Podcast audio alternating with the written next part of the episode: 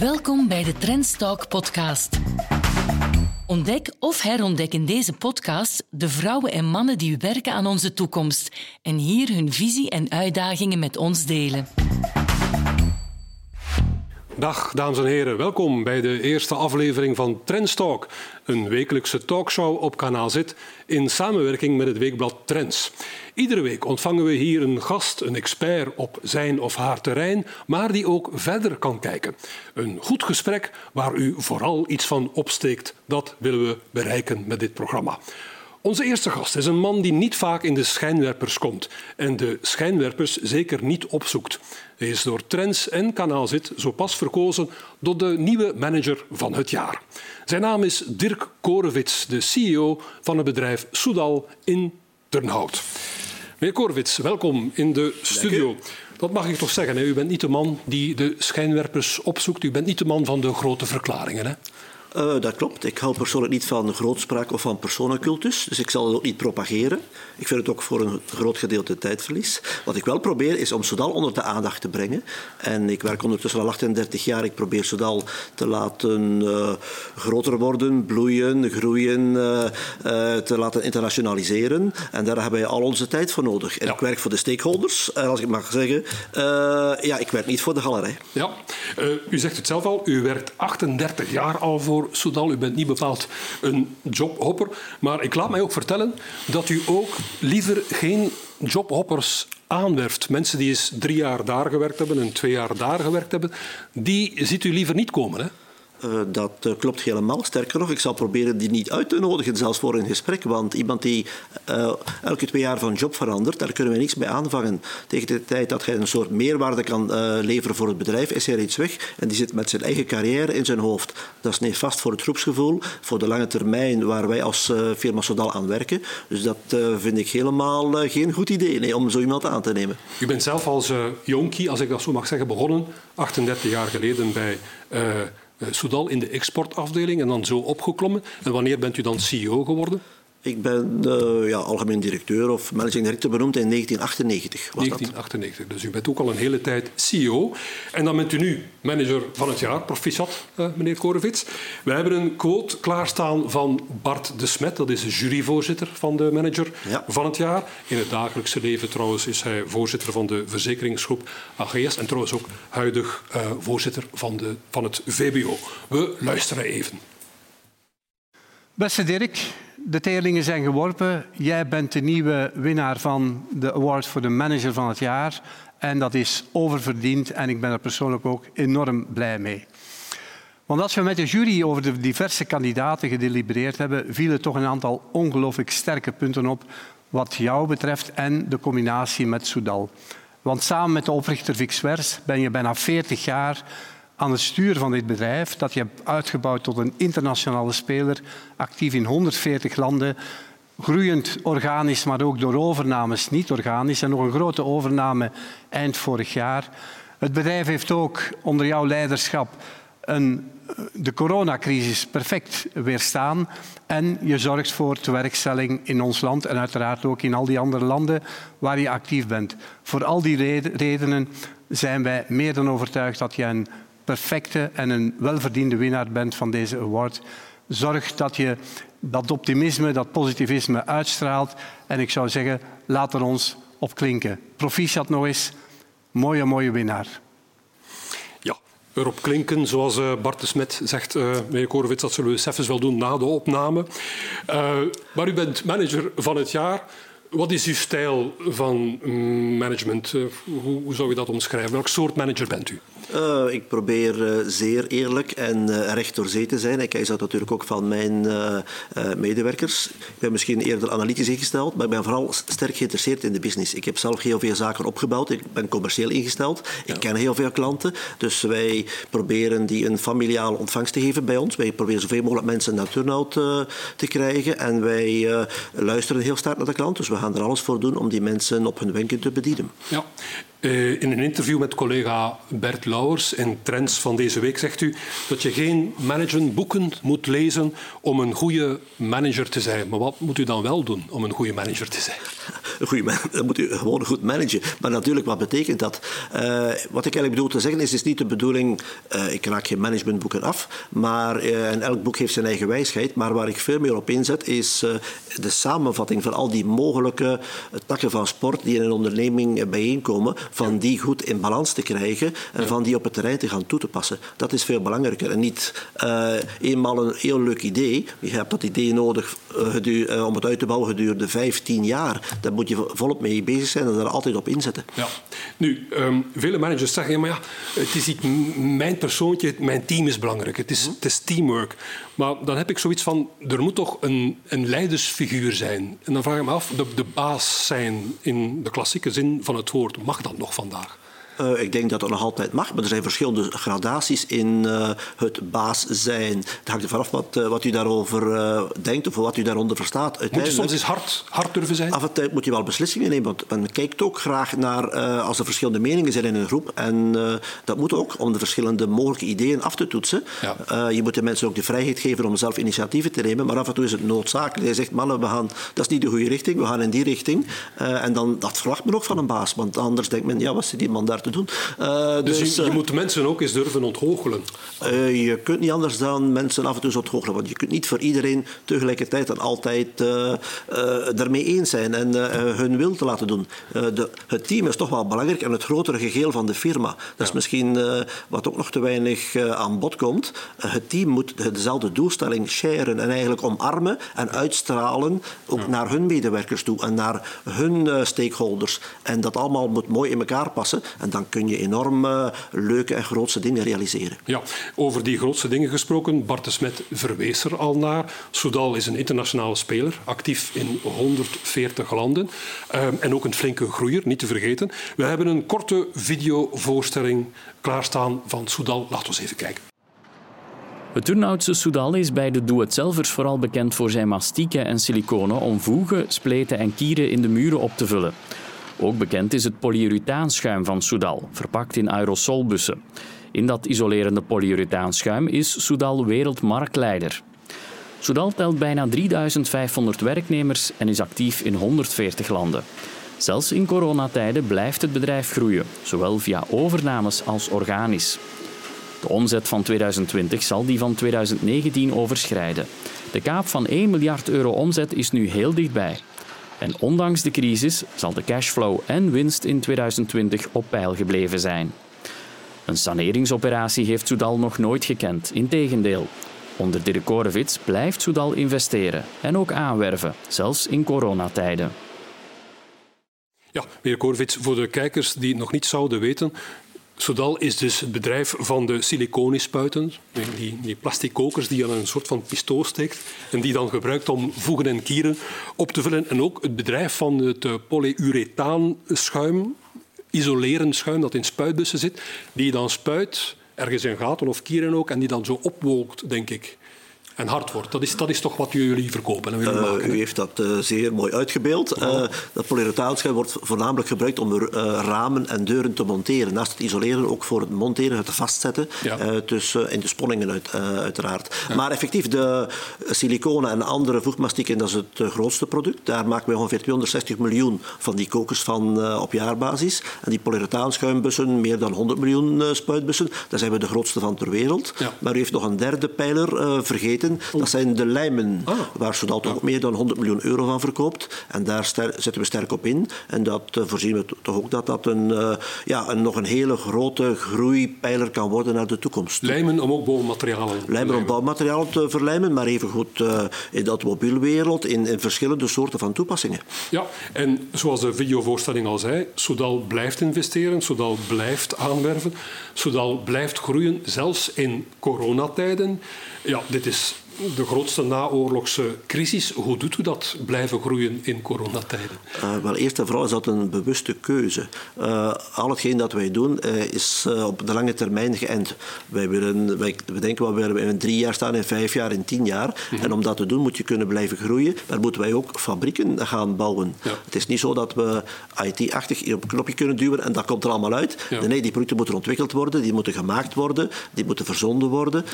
daar gaat dus heel wat uh, ja, investeringen aan vooraf om uh, die groei te kunnen realiseren en te kunnen blijven volgen. Ja. En wij hebben de keuze gemaakt omdat we denken dat de COVID-situatie, dat de, uh, ja, toch binnen een x aantal maanden zou opgelost zijn. We hebben, we hebben natuurlijk sterk geleden in april en in mei voor een stuk. Ja. Maar in juni is de bouwsector in de verschillende landen toch al terug aan het oppikken geweest. Ja. De retailsector, de doe-het-zelf-sector heeft eigenlijk geboomd. Heel veel mensen ah, waren thuis. Vandaar. Van, uh, dat is niet de volledige verklaring, maar dat heeft ons zeker sterk geholpen. Dus heel veel mensen hebben gerenoveerd aan hun huis. En bepaalde doe-het-zelf-ketens in een aantal landen hebben plus 50, plus 60 gedaan in die periode. En uiteindelijk zijn we erin geslaagd over het ganse jaar gezien van toch nog 2% te groeien. En we hebben al onze investeringsplannen uh, verder gerealiseerd. Uh, zelfs uh, euh, Sterker nog, een heel deel van die investeringsplannen konden niet gerealiseerd worden door COVID, omwille van het feit dat nieuwe fabrieken die we wilden opstarten. Wij schrijven onze software zelf van ons, uh, uh, om de machines in gebruik te nemen. We konden onze ingenieurs niet naar het buitenland sturen. We ja. hebben een spiksplinternieuwe PU-schuimfabriek staan in Rusland, ja. de modernste van de ganse groep. Ja. Die staat er al zes maanden te wachten. En vandaag kunnen onze ingenieurs naar daar gaan om daar de, ja, de bekabeling, de bedrading te finaliseren en om de programmatuur te testen ter plaatse.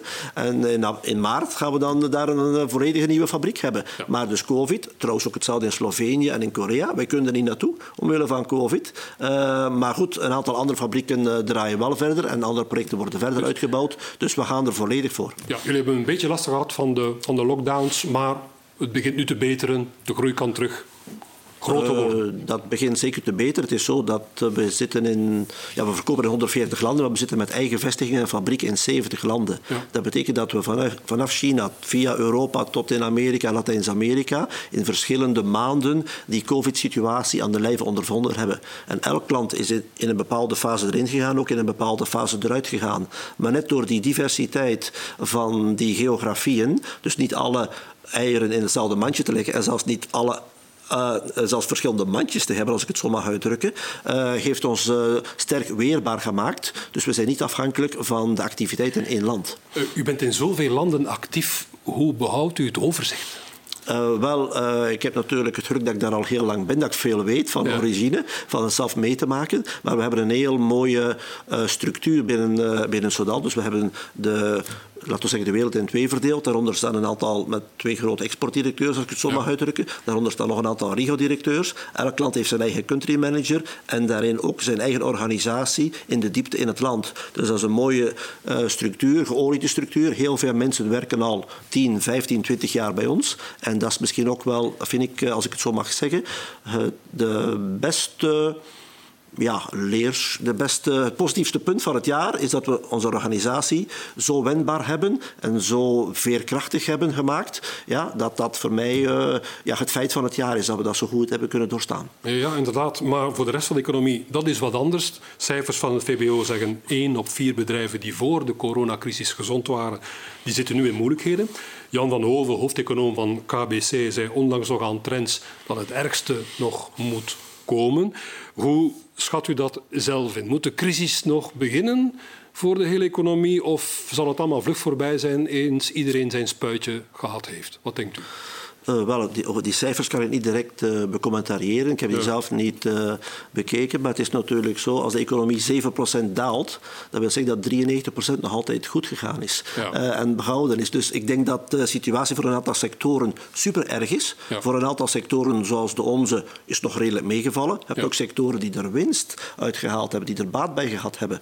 dus dat is een amalgaam. Je kunt dat niet tot één globaal economisch cijfer voor een bedrijf vastpinnen. Wat ik wel denk, is dat een aantal ehm, bedrijven en sectoren misschien nog moeilijker gaan krijgen. Eenmaal al de steunmaatregelen gaan wegvallen, dat denk ik wel.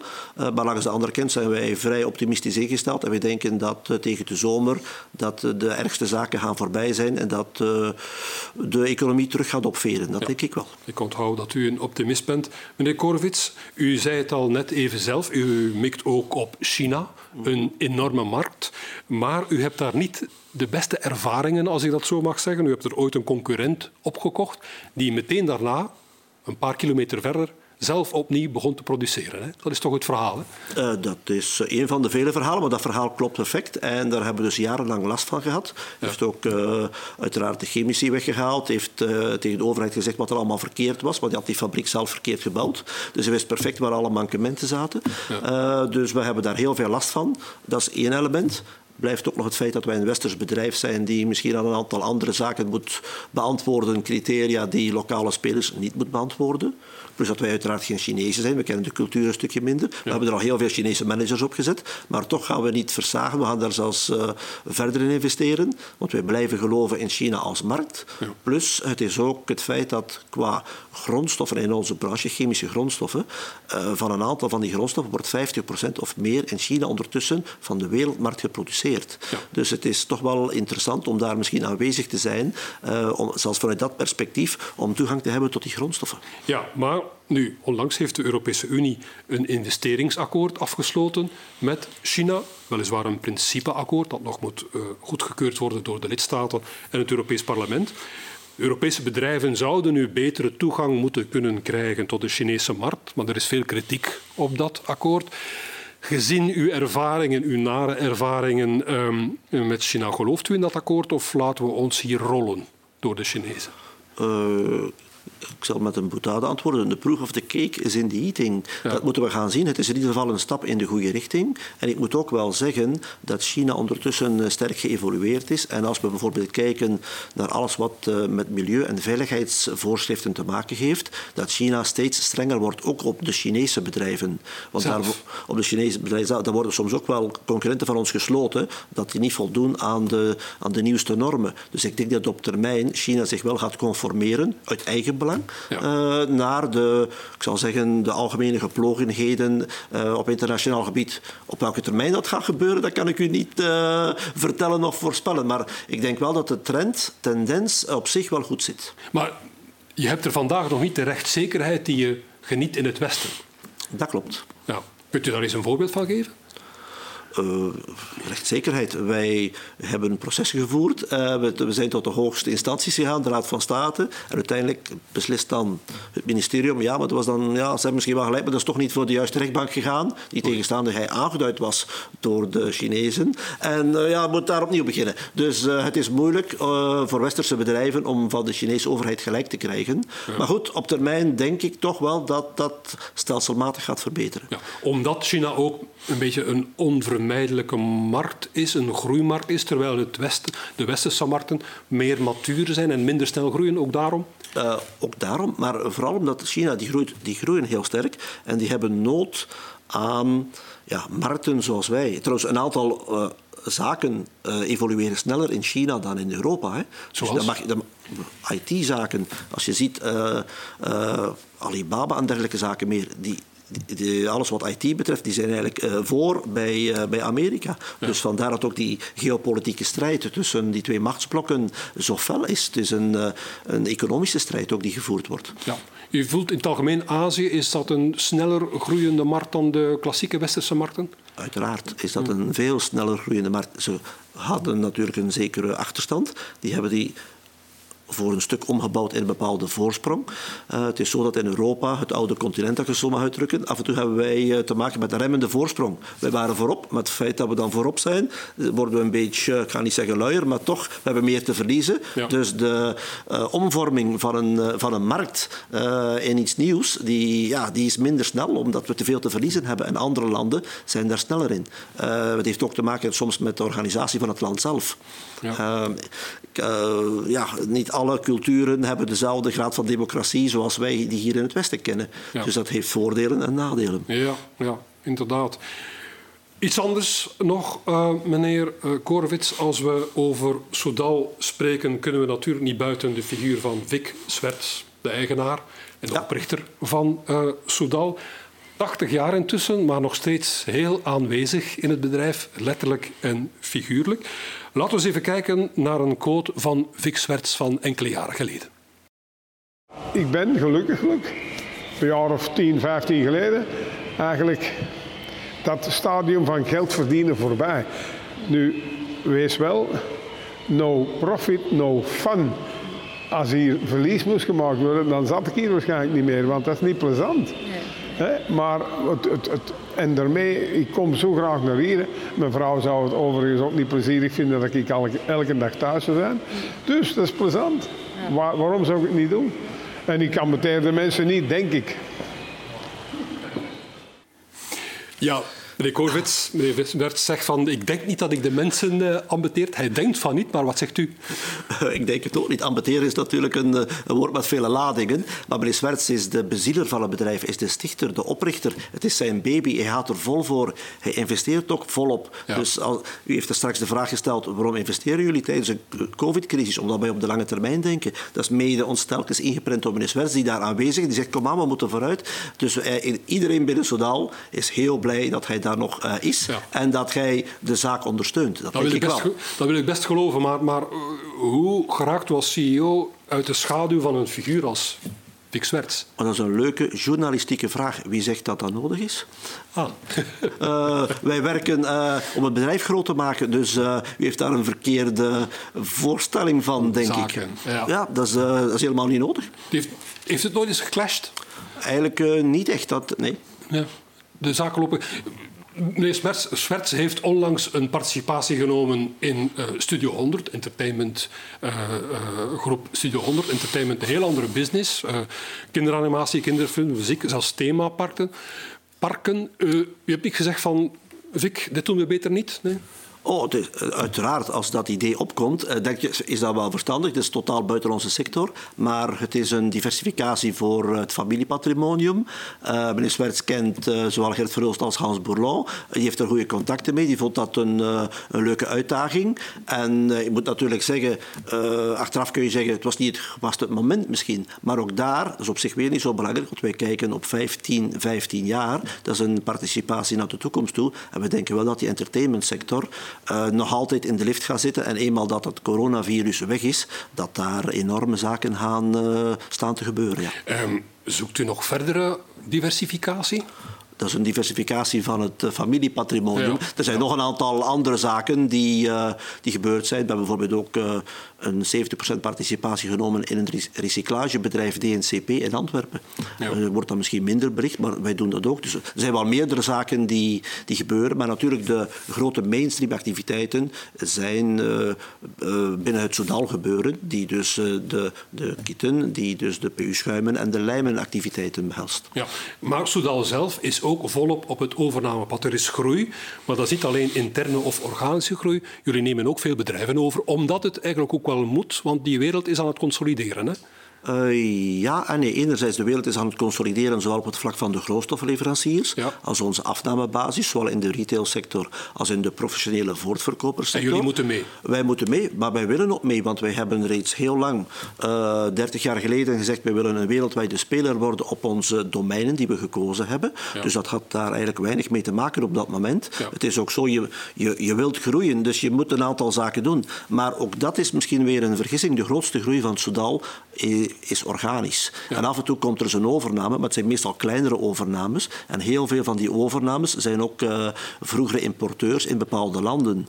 Waar wij die uiteindelijk uh, misschien minder meegegroeid zijn met uh, de ontwikkeling van Soudal. Maar wij laten die mensen rustig verder werken, soms tientallen jaren. Vroeg of laat gaan die ook wel op pensioen. En dan is het het moment om te zeggen, wij gaan dat graag van u overnemen. Dus heel veel van die overnames zijn ook oude klanten, importeurs van ons in een aantal landen. Ja. Dus ook een aantal concurrenten in wel overwogen strategische gebieden die we voor ogen hebben om sterk te gaan groeien. Ja. Hoe financiert u die groei? En mijn vraag is eigenlijk, uh, meneer Korowits, komt er ooit een beursgang van Soudal?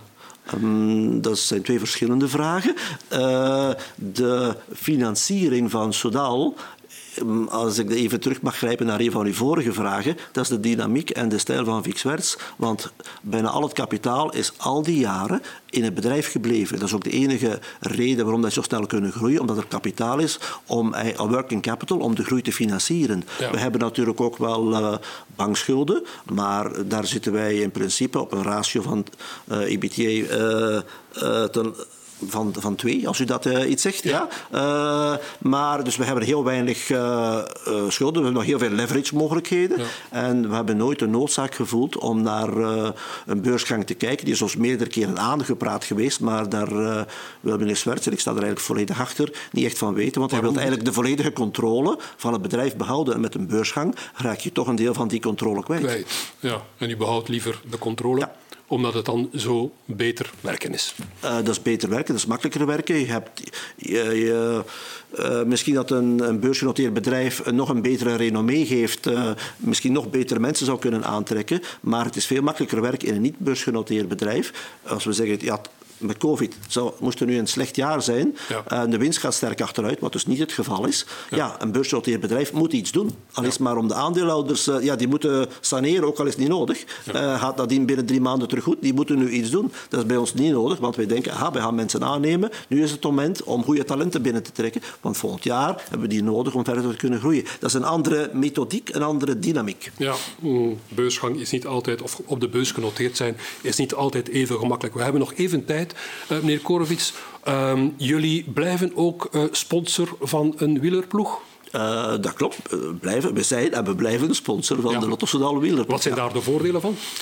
Wel, dat is een uh, puur marketingtechnisch verhaal. Het is niet zo dat wij gaan fietsen met het management. Dat is niet zo of dat, dat een hobby is van iemand. Heeft daar helemaal niets mee te maken. Dat is puur zakelijk. Dat is puur zakelijk. Wij wilden de merkbekendheid van Soudal voornamelijk internationaal verhogen. Uiteraard, de wielerploeg straalt ook af op België, want België is een wielerland. Dat is een fantastische ja, tool om mee te werken. Maar eigenlijk, ook al kost dat heel wat centen, is dat de goedkoopste manier om uh, reclame te voeren in het buitenland als je over al die landen heen kijkt. Ja, en het voordeel is ook wel, als ik even mag, dat de ploegen worden genoemd naar ja. de naam, met de naam van het bedrijf. Dat is eigenlijk een niet, uh, een niet te verwachtzamen uh, voordeel. Ah, absoluut, vandaar dat ook uh, de goedkoopste manier van reclame is. Want als men zegt, ja, Anderlecht speelt al eens tegen Juventus, dan moet u zeggen wie dat, dan de, wie dat er op de shirt spreekt op ja. dat moment. Hè. Ja. Dus dat, is, dat wordt nooit niet gezegd.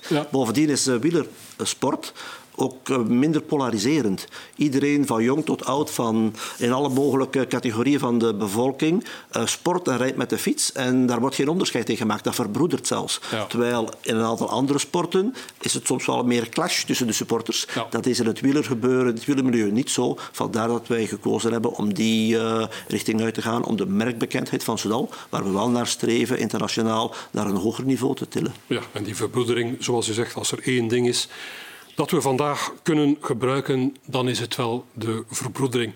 Goed, uh, meneer Korvits, we zouden nog heel veel kunnen zeggen, maar onze tijd is op. Hartelijk dank voor uw komst uh, naar de studio en nog veel succes.